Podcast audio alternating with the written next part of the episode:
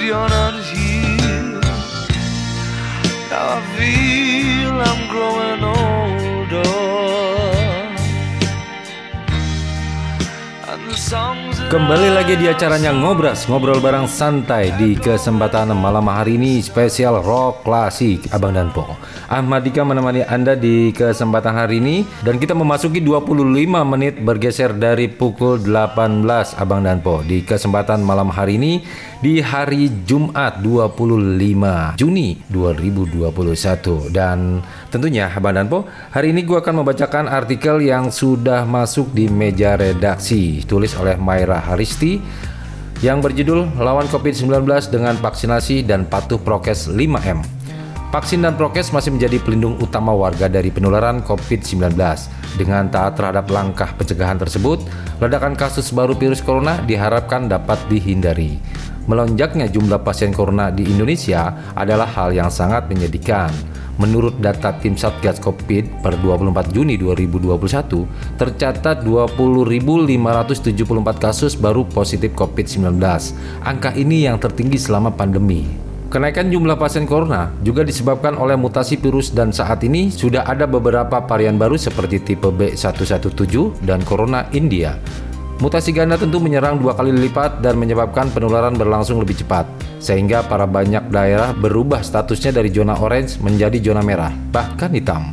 Lonjakan pasien ini sebenarnya sudah diprediksi oleh para epidemiolog ketika mereka sudah mengingatkan masyarakat untuk tidak mudik dan tidak sembarangan pergi ke tempat umum. Namun karena masih bandel, mereka merasakan akibatnya dan akhirnya terkapar karena corona. Sungguh miris karena penyakit ini sebenarnya bisa dicegah. Dr. Wiki Adisasmito, juru bicara tim Satgas Covid menyatakan bahwa upaya terbaik menghindari penularan corona adalah dengan disiplin protokol kesehatan dan vaksinasi. Vaksinasi amat penting karena setelah dua kali disuntik, kita akan mendapatkan imunitas yang lebih kuat. Sehingga tidak mudah tertular virus COVID-19 dari droplet yang menyebar dari OTG. Dan saat ini siapa saja bisa dicurigai sebagai OTG. Oleh karena itu, vaksin wajib hukumnya dan ketika dilanggar, terancam denda jutaan rupiah. Untuk menjaga agar semua WNI divaksin, maka pemerintah membuat sentra vaksinasi di Jakarta dan akan disusul di daerah-daerah lain. Sehingga proses pendaftaran dan penyuntikan akan dilakukan di sana. Sentra juga mencatat data penduduk yang sudah divaksin dan bisa diakses secara online, sehingga transparan dan mencegah kekacauan saat ada yang belum mendapatkan vaksin. Koordinator PMO Komunikasi Publik Komite Penanganan COVID-19, Arya Sinulinga menyatakan bahwa mematuhi protokol kesehatan merupakan bentuk menjaga diri dan orang di sekitar kita. Tujuannya untuk menghindari penularan corona. Arya menambahkan, bagi pelanggar protokol kesehatan harus diberi sanksi yang lebih tegas. Dalam artian, memang harus ada sanksi dan denda agar ada efek jerak bagi orang lalai tidak pakai masker atau membuat keramaian dengan sengaja. Karena jika tidak diberi hukuman, akan lebih banyak lagi klaster corona baru yang terbentuk. Daripada klaster baru dan membuat banyak orang sakit, lebih baik menindak tersangka melanggar protokol kesehatan. Kita bisa berkaca dari naiknya jumlah pasien corona dan mengakibatkan tempat tidur di rumah sakit harus disiapkan 84% lebih banyak untuk menampung mereka. Jangan sampai jadi pasien selanjutnya hanya karena malas pakai masker atau sengaja mendekati kerumunan. Karena efek terburuk corona adalah kematian. Jangan pernah lelah menjaga protokol kesehatan dan meningkatkan imunitas serta higienitas tubuh. Juga diiringi dengan vaksinasi COVID agar tubuh mendapatkan kekebalan yang lebih kuat. Ini semua agar kita bebas corona dan mengakhiri status pandemi secepatnya. Penulis adalah kontributor Ruang Baca Nusantara. Demikian Abang dan Po, kita kembali lagi di acaranya Ngobras, ngobrol bareng santai di kesempatan sore hari ini.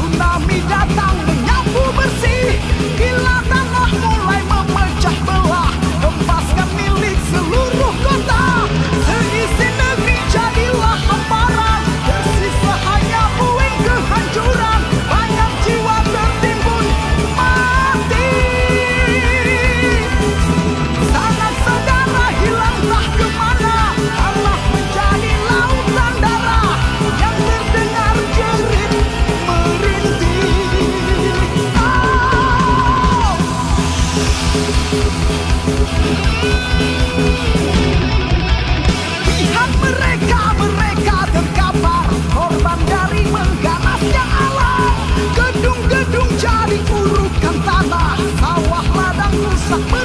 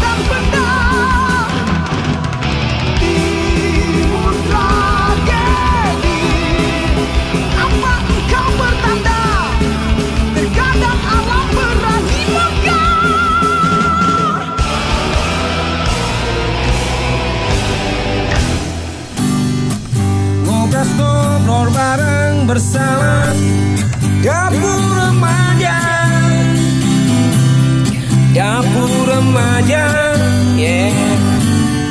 Dapur remaja yeah.